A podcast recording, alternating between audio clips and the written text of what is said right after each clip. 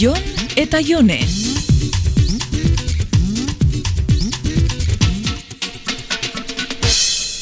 Kasualidadez baldakizu omni nola esaten den euskaraz. Omni.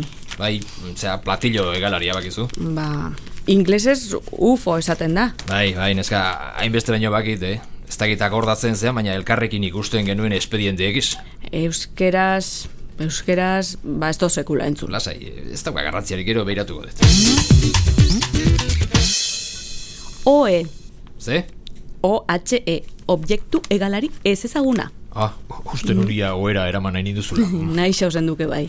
O, e? Joder, baze kasualidadea, eh? Ez dakit nola gehiatu hau. Baina zetarako behar dozu ba. Bea, proiektu bat lantzen gabiltza telebistan aurkezteko. Ah, zuta zure lankide superguapa hori. Bai, arantxatani. Eta ze proiektu mota da? Ba, erreportaje moduko bada. Dokumental moduko asunto bat Euskal Herrian izan diren OVNI, edo hobe esan da E, OE ikuskatzeekin. Hau ez da lehenguan wikiana moduan beste zeozetarako izango ez da. Ja, izan zenun erreakzioa ikusita, zu guste gogori gehatu zaidala. Kontua da, uste baino zailago izango dela izena propos bat topatzea, eh? Ze, pentsa, OE istorioak, OEak Euskadin, OE espedientea, eh? Zuri ze ekartzen dizute burura, ber? Basuri Ba, ekartzen detzuen gauza bera. Bai, bai, ba, ba, ba, buelta batzuk eman beharko dizkigu bai, asuntoi. Ba, ez erabili oe, ba, jarri isa ero X espedientiak, edo beto TX espedientiak. TX espedienteak, eta hoi zer da, txantrea espedienteak, edo, edo txalaparta espedienteak. Eta zuk uste telebistak erosiko detzuela proiektua? Ba, ne ustez berandu da beltza jada, eh?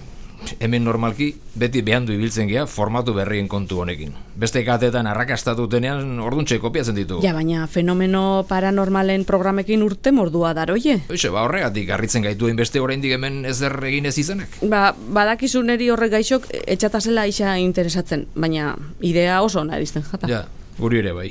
Oen kontua da, bat, telebistakoi ideia ona iruitzea. Eta bi, gure ideia kopiatu eta beste ekoiztetxe bati ez ematea. Ez leukie hori eingo. Eluketela ze? Bea, benetako fenomeno paranormala litzateke hori ez gertatzea. Bea, telebista mundua zaikea, eta ez zuen inguru giro saileko la casa de la praderaz, eh? Akordatzen ze engantxauta geunden X espediente hartara. Joa, bai. Oso ona zan, eta gero protagonistek zeken roiua be. Mm, eskalirekin maite minduan egon ni, eh? Eta harrez gero, Gillian Anderson aktoresak egiten duen pelikula edo seri guztiek ikuste ditut. Ba, asko aldatu da, ez da? Bueno, argaldu, bai, baina aurpegi bera izaten jarraitzen du, eh? Badu, ez dakit ostasun hori, eh? Begi horiek, alako, alako lankide bat izango banunik ere, bo. Ba, nik dakitxela olako lankide bat badakazu. Bueno, arantxa guapa da, baina ez nau eskali bezala bakizu. eh, Eskali berez etzen guapa, guapa oitagoa, baina oso atraktiba zan. Jo, eh? Jeloskorri pinin nahi banauzu lortzen ari zara, eh? Baina, zuzatan nire eskali. Mm, Ja, ja, konpontzen alegin du oin malder.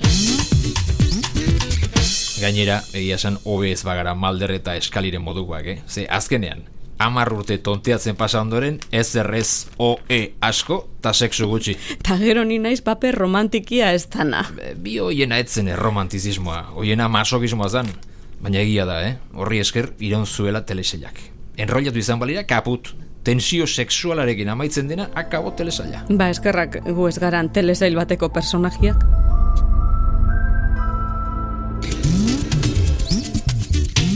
Jon eta Jone.